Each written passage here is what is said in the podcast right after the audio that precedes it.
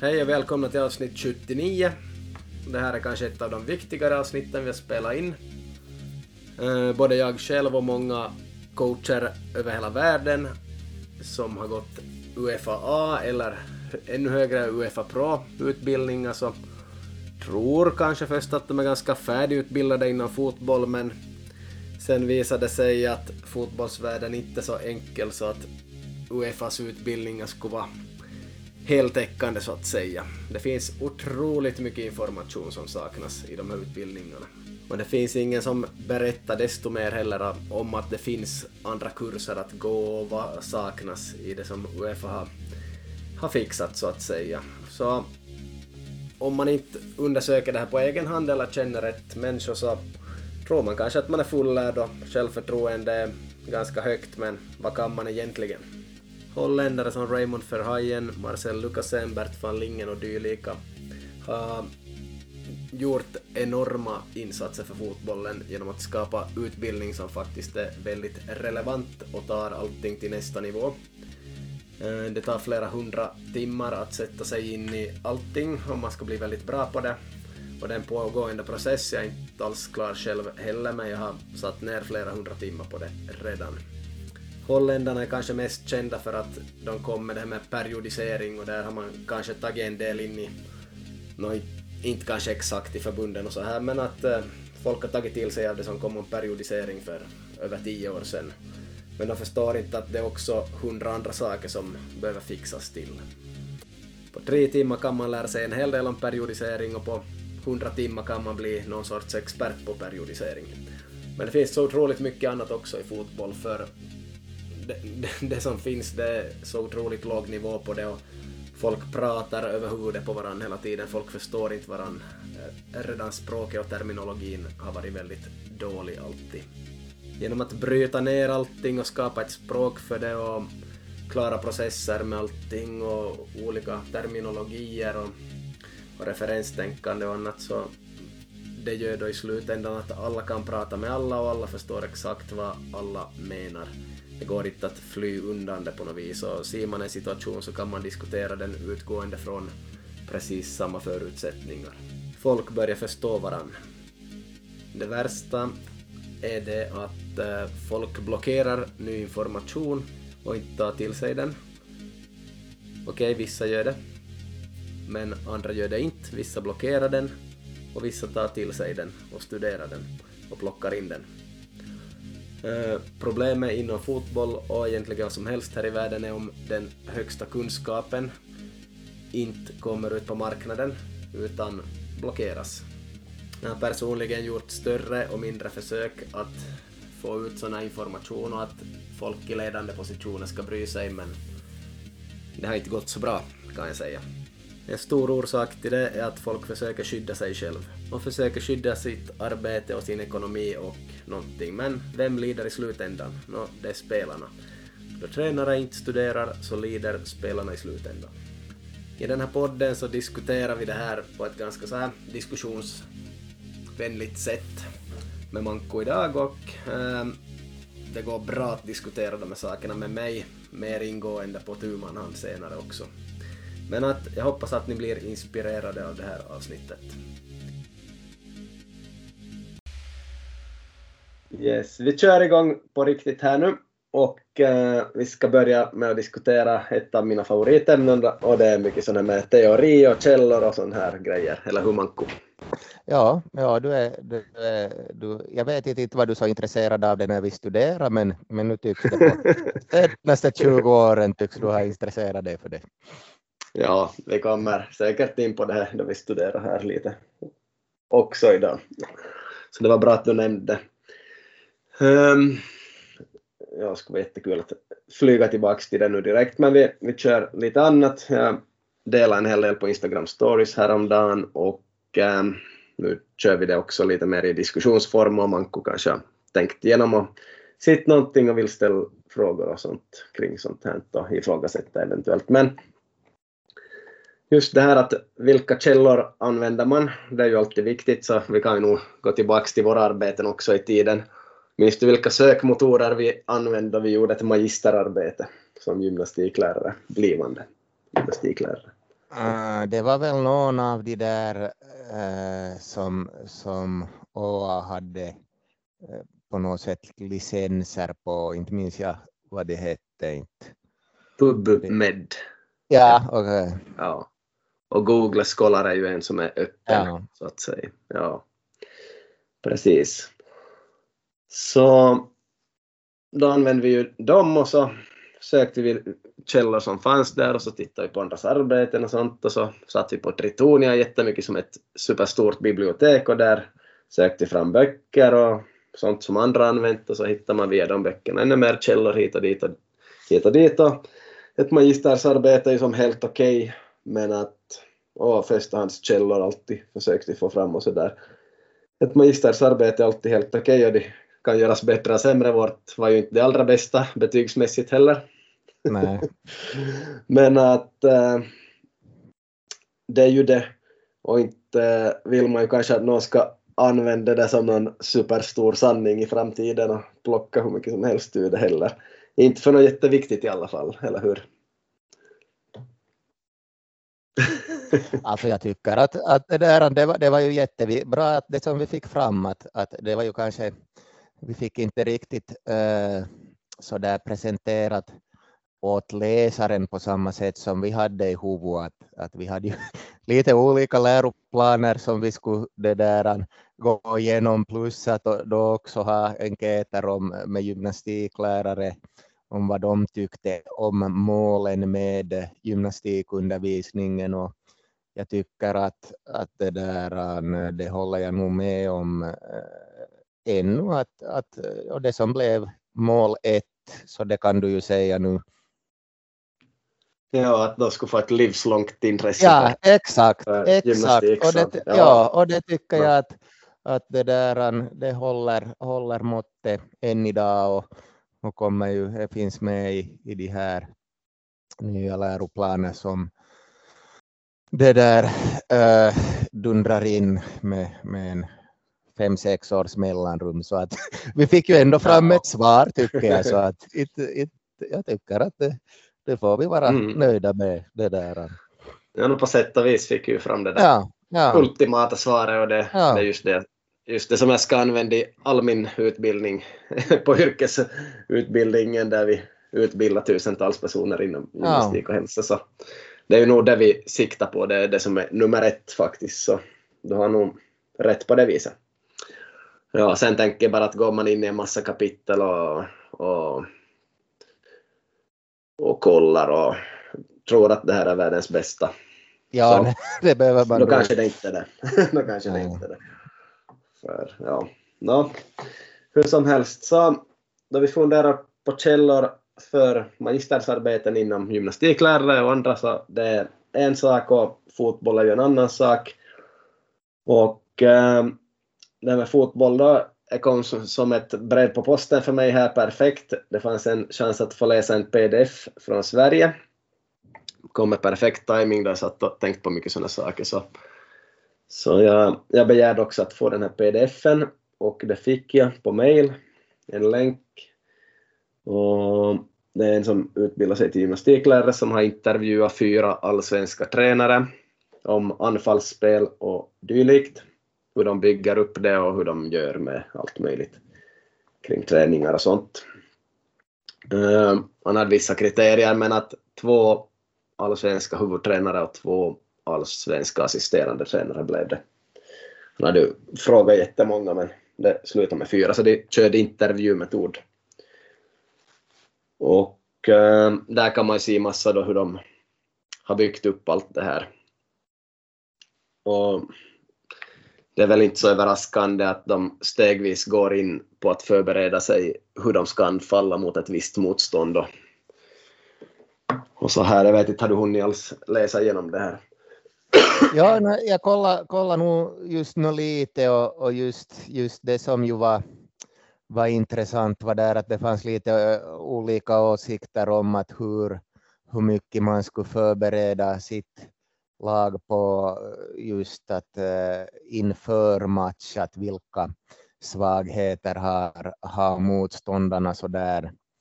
Eh, individuellt och så där så att det var väl tre stycken just som funderade mycket på det att hur skulle de utnyttja det men sen var det en tränare som var lite för så där att han inte ville göra sina spelare som robotar att det där och inte kanske säga för mycket om vilka svagheter de var. Det var nog just en sån där intressant sak som jag la märke till. Mm, ja. Yes. No, alla som är hyfsade tränare så, och vill förbereda laget inför en match, det här gör man också på låg nivå, så det, det är nog just det här att man eh, om man vet hur motståndarna spelar ungefär eller brukar spela sitt försvarsspel så, så skapar man övningar enligt det med kanske inte så jättemånga spelare till att börja med och sen senare så vill man kanske ha 11 mot 11 eller, eller 8 mot 8 eller vad man nu har tillgång till. Så att man får det där ena laget att spela Eh, normalt sett, de som är på bänken, så spelar på, på det sätt som det lag man ska möta på, på lördag då, matchen är på lördag. Så det använder ju här och mycket 11 mot 11 så, så man blir som van med de där situationerna som spelare, de situationer som kommer att ske på lördag då det är match. Så det är ju ganska vanligt och det var ju typ det de gjorde, de flesta. Det är nog helt vettigt också, skulle jag nog säga själv. Sen, ja, hängde med så där långt, stämde vad du hade läst också? Ja, ja jag kan kasta in en, en liten kuriosa här hur det, hur det också kan gå till då, att då gäller det ju att ha vi hade scoutat det där ABC det där inför sommarens match det där då, så hade de spelat på ett sätt då och så spelade vi då med en, en fembackslinje det där då för att det där klara av deras anfallsspel men så spelade de på ett annat sätt så släppte vi in 1-0 efter två minuter och så sa Kevin, Kevin Linton där på mittfältet att nej gubbar nu byter vi tillbaka. så, så det där, då bytte vi, bytte vi tillbaka då det där så att vi fick, fick lite bättre kontroll och sen, sen vann vi nog den där matchen. Men det var just det som det, just som det typiskt som kan hända att man har varit och kollat på deras föregående match och så lägger man upp taktiken enligt det. Så där kunde vi vara flexibla också. Det var, de var ju inne i en liten svacka där med inte allt för många vinster så, så det där, vi, vi lyckades vända det nog till seger sen, men just på tal om scouting. Mm, ja, nej, men bra, bra kuriosa. Fotboll är oförutsägbart, man, man vet aldrig vad som sker. Men i alla fall om man tror att man vet så kan man förbereda sig på saker och ting. Speciellt hur man anfaller. Men det intressanta som jag minns att många, många före detta svenska landslagsspelare har sågat svenska landslaget för, så det att eh, också kanske i den här pdf så stod det också om det att de, de liksom gör det utan motståndare till att börja med, så de gör olika övningar och har bara koner där och sånt och så spelar de på ett visst sätt, alla de där elva, och så gör de mål efter de har byggt upp spel på ett visst sätt. Och, och så gjorde de också i svenska landslaget mycket förr. Jag minns inte exakt vilka alla tränare som har varit där och, och gjort det där, men de flesta tror jag nog. Så de gjorde det och så hade inga motståndare så byggde upp och så gjorde de si och så och så gjorde de mål med koner och sånt. Men sen hade de liksom, de tog aldrig in några motståndare utan de gjorde bara det här steget som man kanske kan kalla det då. Jag skulle inte göra det där steget tror jag faktiskt med bara koner och sådär överhuvudtaget. Men de använde det där steget och så hade och så var spelarna redo inför lördag i svenska mm. landslaget. Så mm. Jag har nog många spelare kritiserat eh, i efterhand och aldrig riktigt fått något svar av av landslagscoacher. Har du hört det samma någon gång? Nej, inte, inte, inte, jag är nog inte så insatt, men nu kan jag tänka mig det där att, att det har varit så. Ja, ja no, steg två här var väl just det att vi använder ett visst antal spelare, anfallsspelare och, och ett visst antal försvarare, ofta med eh, vad heter det, överläge som man kanske anfaller då inte vet jag, sju mot fem eller vad man nu än vill ha för siffror där. Så man är fler på det lag som anfaller än de som, som försvarar så att man lyckas med sina prestationer oftare. Så, så det var ju steg nummer två, sen kanske 11 mot 11 då. Eventuellt med regler eller, eller inga specialregler för att få ut de här teman. Så det är väl mycket det här de sysslar med mot slutet av veckorna. Så det, det var väl i stora drag det som var resultaten av mycket i pdf. Mm. Yes, och äh, vart vill man komma med allt det här då? Allt vi nämnde just kan ju vara intressant för de som bara lyssnar. Men så här för övrigt, sen kan man ju fråga sig att vad är kunskap av allt det här som vi babblar om om man läser den här 35 sidors pdf, vem som helst som vill ha den kan nog säga åt mig bara så skickar jag den. Men att vad är egentligen kunskap av allt man läser här och, och hur har människan fått fram alla källor och vad har den använt för källor och hur har den skrivit arbete och allt sånt här. Så det finns ganska mycket att se på. Och inte så höga krav på en som ska gå en magistersutbildning på det viset att vi skulle sitta här och såg personen. Jag tycker den har gjort sitt bästa och gjort det överlag bra och verkar väldigt intresserad av det den har gjort på sin nivå. Uh, vad fick du för med en bild av det här? Nej, jag håller, håller nog med att, att det där inte, jag tror nog inte att, att vi då för 20 år sedan skulle ha det där, gjort det så mycket bättre och det, det nej. Nej, jag, nog, jag, skulle, jag skulle nog själv inte ha gjort det något bättre än det där. Absolut, nej, absolut inte. inte. Absolut inte. Samma här då, i den tiden.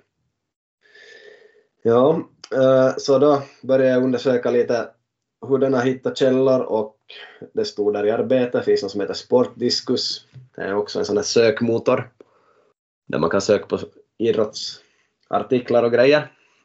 Hitta sånt. Och eh, Sportdiskus kände jag inte till, det borde man kanske göra, men att jag har inte sökt så mycket på idrott genom åren, så då såg man alla sö sökord och datum och allt det här till exempel tactical training, football, soccer. Det var tre ord inom en kategori en dag och så var det där kom 81 träffar och så vidare och så vidare. Nå, här fanns ett, ett till, en var tactical training, tactical practice, positions, specific soccer, football. Nåja, bla bla bla. Och, eh, och så finns det något som heter söksträng där man lite lägger in dem med några år och sånt för att få det bättre och sånt. Som jag kanske skrev på Instagram stories här, att hur många träffar blev det? 13 579. Okej, okay. och på andra sökord över 1000 på två stycken och 33 på ett 80 på ett. Så då du får 13 579 träffar så du kan omöjligt gå igenom allt. Så du måste lite sitta och gissa och, och så här se på rubriker kanske och allt möjligt. Så på sätt och vis är det ett problem också att det finns så här otroligt mycket träffar inom de här ämnena. Klart det går att sålla bort mycket, men det finns ju väldigt mycket som man kan kalla forskning och vad är det på för nivå och det är vetenskapliga, det, det betyder typ kandidatuppsats och högre och högre och högre och ända upp till någon sorts doktornivå inom vissa ämnen kanske så här, men att mycket träffar och vad ska man välja och vad är bra och så här så är nog en himla soppa, speciellt med fotboll skulle jag säga här. Vad tänker du så här långt? Nej, nu håller jag med, med om, om det och, och det där. Jag, jag har nog inte sysslat så mycket med sånt här, men äh, eller inte alls egentligen äh, på sista tiden, men man kan ju tänka just sånt där som man lär de här äh, skoleleverna just att man, det kan ju också vara just som i dagens tider med, med reklam och sånt, att vem är det som har beställt den här undersökningen och, och så där och, och, att man är lite kritisk på de sätten så, så det där kan jag nu kasta fram. Mm, ja. Yes, så jag kollade igenom en massa källor där och det var äh, en bok som handlar om FAB-licensen i ja, för att få FAB-licens, någon sån sorts bok eller något, vad det var där och så var en massa, massa, massa olika källor av alla dess olika slag. Och ett problem som jag ser här med fotboll är att det är ju inte som så enkel vetenskap, där är mycket enklare om det handlar om någon kanske gymnastikgrej eller någon allmän fysisk eller psykisk grej eller något så. Fotboll är ganska komplext. Och senast här kommer man ju nog fram till att vilka källor borde man ha i ett sånt här arbete överallt, därför att då står det också en sån där grej som börjar bli lite föråldrad, att fotboll består av teknik, taktik, eh, fysik och eh, det mentala, ungefär de fyra. Det har ju varit så där också då jag studerade för 15 år sedan och 10 år sedan och så här. Men att det här har man ju omkullkastat för länge sedan, åtminstone ut i världen. åtminstone på de kurser jag går. Det är som, så otroligt långt ifrån att man skulle säga att de här fyra sakerna är fotboll. Själv sa jag det säkert 2019, gick jag igenom, igenom de här klassiska fyra då jag gjorde en intervju med, med Tuffe Sparvin för en utbildningsdag. Så då utgick vi lite ifrån de där fyra då vi diskuterade någonting. Men att i dagens läge så borde man veta att det är inte de där fyra som står i centrum överhuvudtaget, det är helt andra saker. Så där ser man lite brist på, på kunskap och jag vet faktiskt inte var man ska hitta en massa kunskap för att bygga upp det här arbetet som man har gjort. Eller det vet jag, men jag vet inte hur jag skulle göra det i en databas.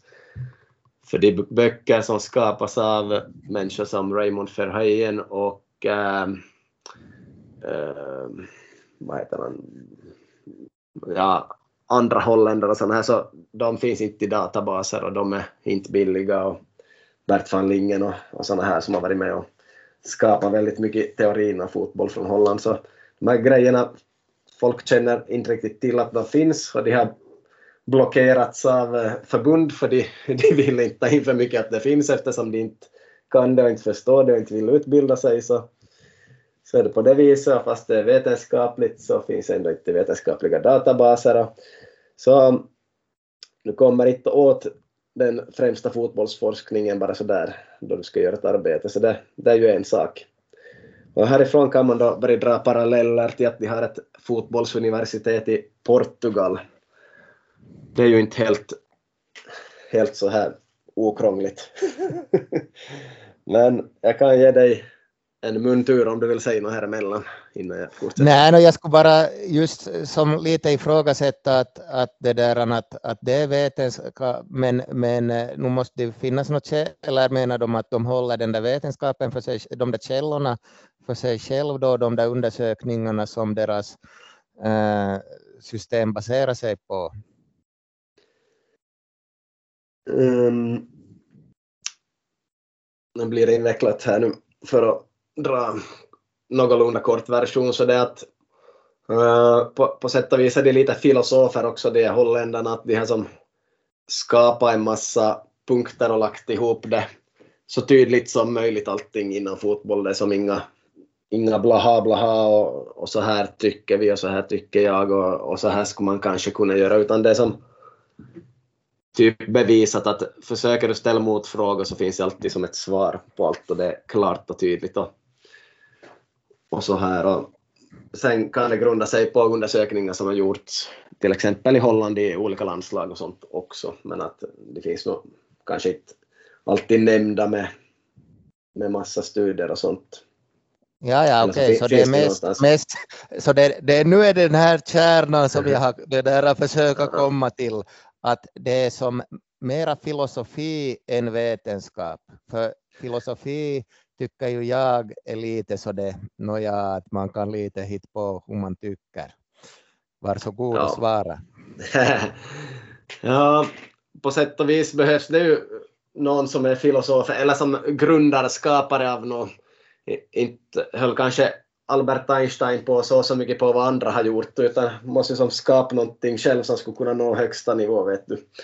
Mm. Och, och då man vet, klart att alla de här människorna har ju gått på alla förbundets kurser, allt som finns också, men det finns ju som så, så mycket efter det, så hur ska man få fram det? Vem ska skriva ner det och hur plockar man in det?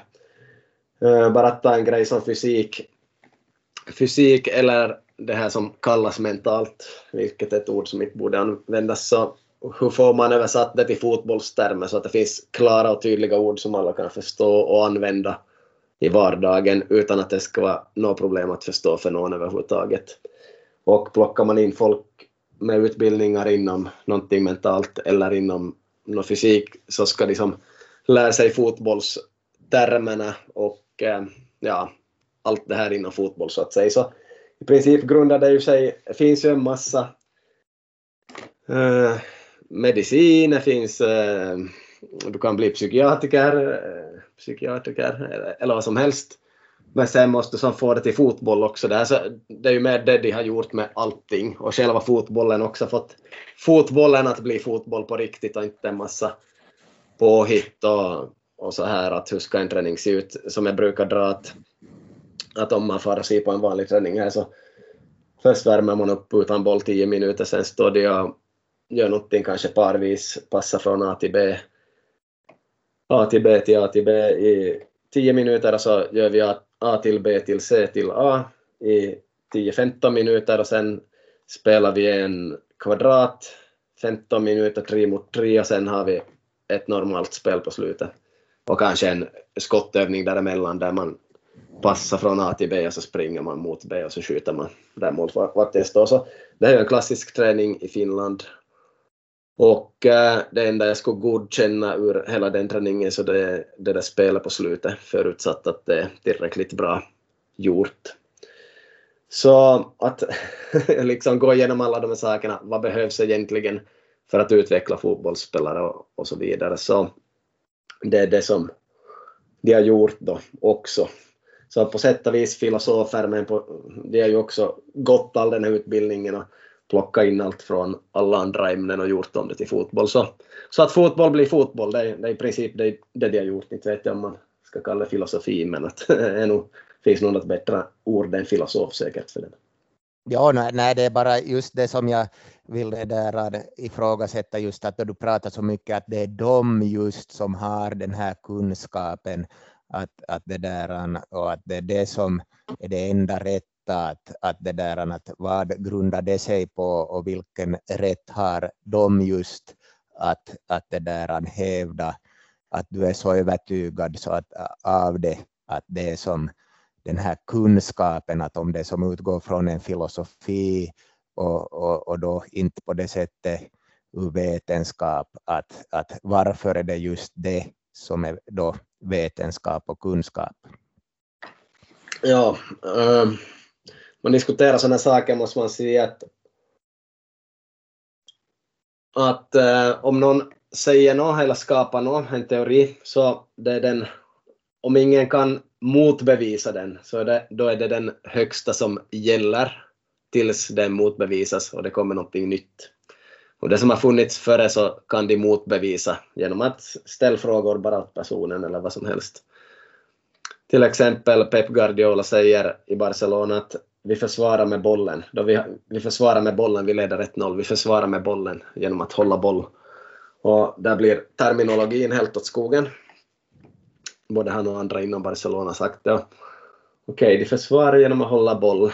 Om vi ska hålla olika termer inom fotboll, anfall, omställning, försvar och vet vad det är, så då ska det vara väldigt klart och tydligt. Men de försvarar med boll. Okej, okay, de har bollen men de försvarar ändå, för de håller i den och de tänker att om motståndarna inte får tag i bollen så kan de inte göra mål. Så de försvarar med boll. Men okej, okay, vi säger att målvakten springer bort fem meter från målet och dricker och målet är tomt och de har nu chans att skjuta in bollen i målet. Skulle de göra det? Eller ska de fortsätta försvara med bollen då de har bollen? Är det ett tomt mål de kan skjuta in den i och göra 2-0? Eller ska de fortsätta försvara med bollen? Så de här frågorna som man kan ställa till olika teorier så där liksom falsifierar färdiga teorier som finns och det finns hur många sådana som helst och det, de är som inte i skick. Och det beror till stor del på att Uefa och Fifa inte har fixat liksom allting ordentligt. De har, de har inte haft så stort intresse av det. Fotboll har aldrig blivit ordentligt fixat så att säga, som kirurgi och läkarvetenskap och pilotyrke och Navy Seals och alla de här. Det är som uttänkt i minsta detalj allting, men fotbollen har aldrig kommit dit. Men att, eh, ja, och de flesta coacher som går de här kurserna har ju gått FAA eller högre också. Sen kommer man hit, okej, okay, vi har hundratals timmar att sitta ner och jobba, studera, studera, studera. För vi kan så otroligt lite, märker man. Så det är ganska, ganska enkel aha-upplevelse. Och då man märker det kan man reagera på två sätt. Ett, okej, okay, jag tänker studera. Två, äh, vi blockerar den här informationen så gott vi kan och hoppas att ingen nämna det. Mm. så, Ja. så, så nu har jag berättat ganska mycket om oordningen i världen, fotbollsvärlden. Ja, lite så det att man släcker, släcker lamporna, går och sover och hoppas att ingen märker att man inte satt på diskmaskin. Ja, precis. Yes. Så, sånt. Vi har nog tappat tråden var vi höll på här. Ja, det här, om vi skulle komma till det här med Portugals fotbollsuniversitet då så. Jag frågade här i Helsingfors då vi hade eh, fotbollsutbildning av högsta världsklass, om man får säga så. I januari så, så det kom ett skede där, där jag hade en chans att ta upp det här. Eh, väldigt svårt att ställa frågor som är utanför kursprogrammet, men i något skede tog jag upp att det kommer väldigt många portugisiska coacher, speciellt i Finland, och de får bra positioner och sånt här. Och, och folk har hög respekt för dem, för de har ju ett fotbollsuniversitet i Lissabon, eller? Eller hur funkar det? Uh, nu har jag varit inne och sökt en massa på datorn och de har ju som ett sportuniversitet på, i Lissabon i Portugal. Och jag skulle kanske inte kalla det för fotbollsuniversitet, men det gör de ju nog själva för de har någon sån där linje där de kan gå allt möjligt. Och eh, Mourinho gör väl något jobb där ibland, drar några kurser och sånt. Och, och mer eller mindre så utnämner de väl folk till doktorer nästan i fotboll också, PhD. Så jag vet inte om också Ricardo Duarte mer eller mindre har fått någon sorts doktorroll någonstans inom fotboll via det där universitetet. Jag kan inte säga helt hundra enligt allt jag hittar, men att okej, okay, så min fråga då var att vem får bestämma vad som är ett fotbollsuniversitet och hur kan de ha det i Portugal? Så jag gissar ju nog att, att en viss, en viss utbildare har ganska koll på det här. Så sa han att eh, han ställde motfrågor åt mig, jag visste nog att vi skulle vara in på ganska samma synpunkt, men ställde motfrågor åt mig först att tycker du inte att det skulle vara bra om alla har ett fotbollsuniversitet i varje land? Så sa jag uh, ja, om det fungerar bra. Så det är ju det som är svaret. Har du ett universitet inom någonting, om, om det liksom fungerar på högsta möjliga nivå, så då, då är det ju såklart att det ska vara bra och, och godkänt och hela tiden utveckla det som redan är högsta kunskapen i världen. Mm. Så, som det nog är med läkemedel och annat. Så, så det skulle ju vara bra. Nå, det här Portugal då. Jag vet faktiskt inte exakt vad den här grundaren heter, men det är väl någon Vitor heter han i förnamn. Nej, det är ganska troligt. Ja. ja. Det finns många, inget illa om portugisiska namn, men ja. ja. Ja, så det fick jag veta i alla fall. För han, eh, han hade sett igenom hela deras utbildningskoncept och allt, så, men frågan var då att Vitor, why did you make it all in Chinese? Och det betyder som att varför gjorde ni det på ett totalt obegripligt språk? Och det betyder bara att de har som slängt ihop en massa vad som helst, som är vad som helst. För förra sommaren träffade jag ju två portugiser plus Duarte och alla hade gått där via det här Lissabons fotbollsuniversitet och de, det som de håller på med så det är som det är bara pannkaka. Slutprodukten är pannkaka, sitter 50 personer i en sal och förstår ingenting vad de håller på med. Duarte var faktiskt bäst på det viset, att det var ens lite förståeligt vissa saker. Och då måste man se vad hade utgått från muskelkontraktioner. Om du går in och söker på Portugals fotbollsuniversitet och sånt så hittar du att det finns kinetik med i deras ämne där och det, det är väl då en led rör sig och så har det med energin att göra som ja, rör sig och sånt. Kinetik, bara att googla det där ordet om man vill. Så, så det är som deras utgångspunkt också för fotboll. Det är därifrån de har börjat med muskelkontraktioner, alltså hur muskler rör sig. Sån här. Därifrån har de tagit sin utgångspunkt. Vilket gör att de har en massa konstiga data och de är in på en massa fysik i kroppen då de pratar om fotboll och sådana saker som är helt som kinesiska också för en själv. Det var ju jättebra att man var där förra sommaren och hörde på allting som de pratar om i olika syften och, och de förstår ju inte själv heller vad de håller på med. De eh, slänger upp pdf-ar där det det kommer 20 olika saker och 20 olika färger och 200 olika ord och de visar pdf-en i tre minuter fast det skulle ta 15 minuter att läsa all text där. Och så säger, säger de på slutet då de visar den att ja, jag vet inte om ni förstod det här men, men det här är jätteviktigt och så byter de blad. och ingen säger det för att vi är i Finland. Så ja, helt sjukt. Helt fullständigt sjukt. Så Portugals fotbollsuniversitet, ja.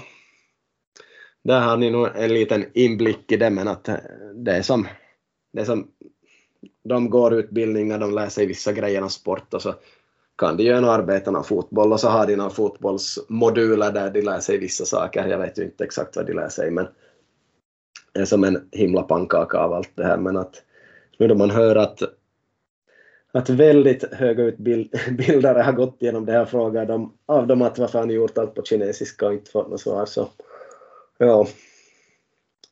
En himla pannkaka. Och varför har de rätt att ha ett universitet där de kallar det att de jag är utexaminerad från fotbollsuniversitet. No, grattis, varför har vi inte något sånt i våra länder? No, för att det inte finns någon ordning och vad ska man nog bli där? Äh, det är som, det är som pannkaka vet du. Mm. Vad har du för reaktioner på sånt här? Nej, jag, jag vet ju inte som på det sättet att vem har rätt till att ha ett universitet och, och så vidare så att jag, jag kan kanske inte bli, eller jag är inte som så insatt så att jag, jag skulle kunna ha no, det där starka åsikter att nu skulle man kunna, eller då vi, då vi studerar så funderar vi ju med, med några studiekompisar att vi skulle starta en skola också så det där, ja, inte vet man riktigt ja. vad, man, vad man får och inte får. Så.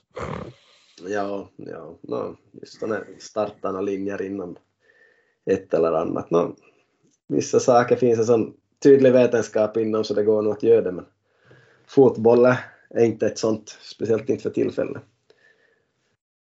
Om Finland ska ha ett fotbollsuniversitet, vad skulle de göra?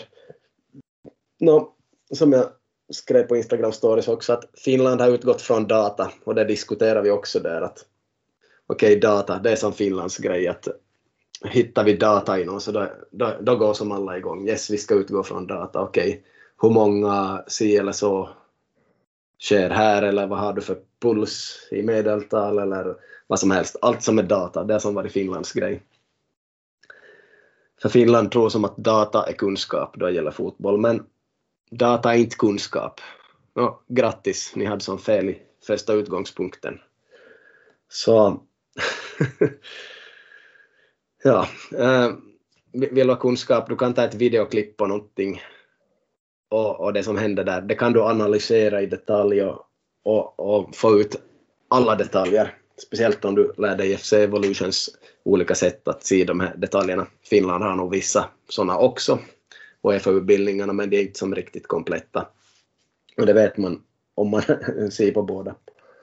Vilket jag har gjort och många andra. Så ja, och data är inte alltid nödvändigt heller. Jag vet inte Midtjylland och flera andra klubbar ser väl supermycket på data och köper spelare enligt data och, och klubbar i Finland också. Det finns ju det här Instats och ser att ja, den här spelaren har slagit si så många passningar framåt och den har gjort tappat boll så här mycket och tappat boll och det har blivit mål bakåt och, och vad, vad som än har skett. Men att Uh, som någon sa där i rummet som är väldigt högt ansedd, I don't need data, I have a brain. Och det är ju nog det att se vad som sker istället. Med data gör man nog inte så hemskt mycket egentligen. Det, det berättar inte sanningen nödvändigtvis. Sen kan man via data skapa kanske sådana grejer som man sen kan göra om till kunskap, men att data i sig är verkligen inte kunskap. Hänger du med? Ja, det beror ju på vilket, på vilket sätt man plockar ut det där data. Precis som du säger att det säger ju någonting ändå. Någonting säger det nog, men ja. är det relevant för fotboll måste man också fundera. Ja. Sånt. Sen kollar jag upp hur Finlands utvecklingschef inom fotboll fick sitt jobb, för det råkar faktiskt stå i en artikel och det är ju då Matti Lähitie. Han spelade i VPS i tiden och så har han gått eh, ända upp till FAA fotbollsutbildningar så hade han någon, gått någon idrottslinje vid Jyväskylä universitet, någonting inom idrott där, jag minns inte vad det var exakt. Skulle det vara gymnastiklärare eller något. Spelar inte så stor roll. Eh, så i princip de utbildningarna och ganska intresserad av fotboll och jobbar hårt. Det var, det var ungefär det som det stod i en artikel att därför så tyckte Hannu Tihinen att han var lämplig för att bli Finlands utvecklingschef inom fotboll så därför skulle Hannu Tihinen ha honom. Och sen blev han anställd och han har ju varit där sedan typ 2019 eller något, så han är väl in på femte eller sjätte året. Och inget ont om Matti Lähitie, jag har pratat med honom senaste året och mejlat lite och sådär. Jag tror nog att han säkert gör det bästa utgående från sin situation och all hans kunskap och sådär. Sen att de plockar in sådana portugiser, ja, som inte pratar om någonting som någon förstår någonting av och som de själva förstår. Så det är ju en sak. Och att de har lovat att skicka de här pdf-erna vidare, som de, eller vad heter det, powerpointarna som de har visat, skicka skick dem efter kursen och att de absolut inte gör det efteråt. Så det säger ju någonting. Och så här, och det, det är såklart kaos, vad, vad ska bollförbundet göra? Och då vi, vi går sådana kurser så kollar vi att men ingen från förbundet är här, varför är inte de här? Nå, svaret på det lär, lär vara att de är för outbildade. Och så är det väl tyvärr. Ehm, då det varit kurser i Polen har jag funnits med sju stycken från förbundet någon gång och de sitter längst bak i klassen och tror att de står över alla andra där men så kan de inte så mycket och innan dagen är slut så har de blivit utslängd från kursen för att eh, det är kurser på väldigt hög nivå och man får inte vara där om man inte liksom gör sitt bästa och, och fungerar så som kursen ska fungera. Så det är ganska intressant. Och hon har ju funnits med eh, sådana större tränare från Finland också på de FC Evolution-kurserna ibland. Men att de kommer ofta en gång eller två gånger och förr gav det lite sådana poäng, man ska ha sådana FA-poäng 15 per trio och så kanske gav några 5 poäng för men de ger inga poäng för tillfället de här kurserna. Så svårt att få dit tränare som ja, Teemu Taini och Jarkkovis och sådana olika som har varit genom åren. Så att det är inte där heller, de får ju inte någon mer kunskap på det viset. Och många går på kurs så, så sitter de där och, och väntar bara och lyssnar och ser att ja men det här gör vi också, det här gör vi också, det här gör vi också. Så att de som kommer och ser att ja, de, de blockerar det som de inte gör och så märker de att ja, men vi gör nog jättemånga av de här sakerna och att allt är nog bra i vår förening på det, på det viset fungerar många människor, har de forskat fram. Så. Vem har forskat fram det? Holländarna. du vet, de har ringt åt Jarkko Wiss och frågat ja, hur har du Jarkko? Jag tror inte vi ska dra in Jarkko Wiss bara i det här, men att ja, via enkäter och feedback och så här och, och kolla att vad tyckte ni om kursen och, och så här så de har kommit fram till den slutsatsen att väldigt många människor i hela världen gör så här då de är på kurs där och kollar av att ja, vi gör nog allt rätt inom vår förening. Det här mm. och det här och det här och det här och det här, för det här stämde in på oss. Så, så är de nöjda. Men det, det handlar om det här. Blockera ny information och inte ta till sig den och, och hålla sig bekväm i sin position och behålla sitt jobb och, och allt det här. Så, och sådana saker. Mm. Så här har vi, har vi en hel del av det kaoset. Och och jag tänker inte bara eh, sitta här och prata om det här i den här podden utan jag kommer nog att ta itu med de här sakerna förr eller senare på, på olika sätt. Därför att vem är det som lider i slutändan då tränare inte studerar? Var det en retorisk fråga? Ja, det är nog en allmän fråga, du får nog svar. Ja, no, no, jag har ju läst att du tycker att det är spelarna. Ja, no, men så är det går vi i skola och läraren inte har utbildat sig ordentligt inom ämnet så är ju vi som lider som bara får halva informationen. Eller vad man nu får. Nu har man ju haft dåliga lärare under sin uppväxt också. Fått både dålig information och, och förstås dålig pedagogik och sånt så, så det var svårt att lära sig saker. Och samma sak här förstås. Och Jag vet ju vilka klubbar jag har runt mig här i i Österbotten. Jag vet vad alla gör, jag vet vad träningscheferna kan och vilka fel de gör då de själv drar träningar och visar träningar och allt möjligt. Och en hel del, på två timmar skulle man kunna rätta till något otroligt mycket saker för allihop, men äm, väldigt få som vill lyssna och kommer att lyssna. Men att vi får väl se vad som ska ske småningom. Och jag har lite blivit min roll också att vara, vara en sån där person som för fram de här frågorna. Det finns många inom FC Evolution som Finland speciellt som ser upp till mig, också Sverige och också Österbotten för de ser att jag är enda som orkar bry mig. För de, kör, de kör ju som på sitt de också, de tar in massa ny kunskap och de ger jättebra träning åt sina spelare och i sina föreningar och så här. Men att klart jag bara skulle kunna köra min väg om jag råkar hamna i en passligt bra förening.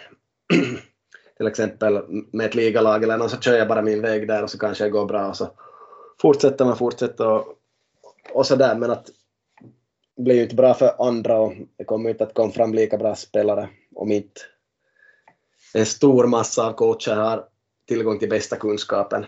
Och speciellt i Finland, det bor lite människor där vi måste göra saker så bra som möjligt för att ha en chans.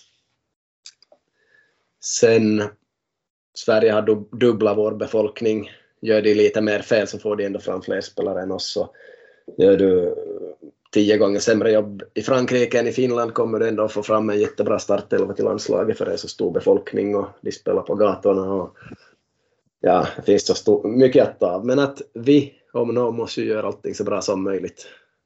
Där kan man ju tänka lite på Island, jag vet inte vad de gjorde för att bli så framgångsrika, vissa saker är de sagt sådär sådär att de gjorde på sitt sätt. Och inte tror jag de besitter så supermycket kunskap, men de gjorde saker tillräckligt bra för att kunna slå ut andra och vinna England i, i VM och, och vad det nu var. Så här, så att alla måste hitta sitt sätt, men att så, så, bra kunskap som möjligt är ju nummer ett och det skulle nog både Finland och Island behövde ut frågan om det. Sen kommer nog Brasilien att ha bättre startelva än oss kanske om 20 år i alla fall, men att om vi ska göra det så bra som möjligt, vet du. Mm. Så, sånt. Yes, så det, det, här är ju en hel föreläsning på sätt och vis som jag har pratat om här om man så vill, men att ja, som jag skrev åt dig här, att varenda dag, vecka, månad som går utan att folk får sån teori som jag har koll på inom fotboll så drabbas spelare konstant överallt. Och, och vad gör nu det? Ingen dör, det är inte på liv och död fotboll. Nej, det är inte det, men att tänk om de skulle få en bättre utbildning hela tiden och tänk om tränarna skulle få göra saker som är faktiskt vettiga istället för att göra en massa ovettigt hela tiden, för jag ser det dagligen om jag rör mig i fotbollshallar, att de gör ovettiga saker. Jag ser det på Instagram, överallt. Så mycket ovettiga saker. Det finns träningar som är 50, 75 och 100 procent totalt onödiga saker som görs, som jag varit och sitt på här. Så alltså, vad är det egentligen? Eh, katastrof. Så då tränare inte studerar så lider spelarna. Och träningscheferna tror att de har studerat, men har de verkligen det? Det är en sån där fråga man kan ställa sig. Tack till er som har lyssnat på avsnitt 79 och eh, vill ni ha källor på någonting, vill ni ha tillgång till massor av powerpoint-bilder från juni från Helsingfors så är det bara att säga till och vill ni ha den där pdfen i början som vi pratade om som den här svensken har gjort så får ni tillgång till den och kör, vi kör liksom med öppna kort, allt finns tillgängligt. Så det är bara att höra av sig och ta gärna kontakt om ni blev intresserade av det som vi pratade om. Det här är väldigt viktigt. Och framför allt är det viktigt för framtida fotbollsspelares utveckling.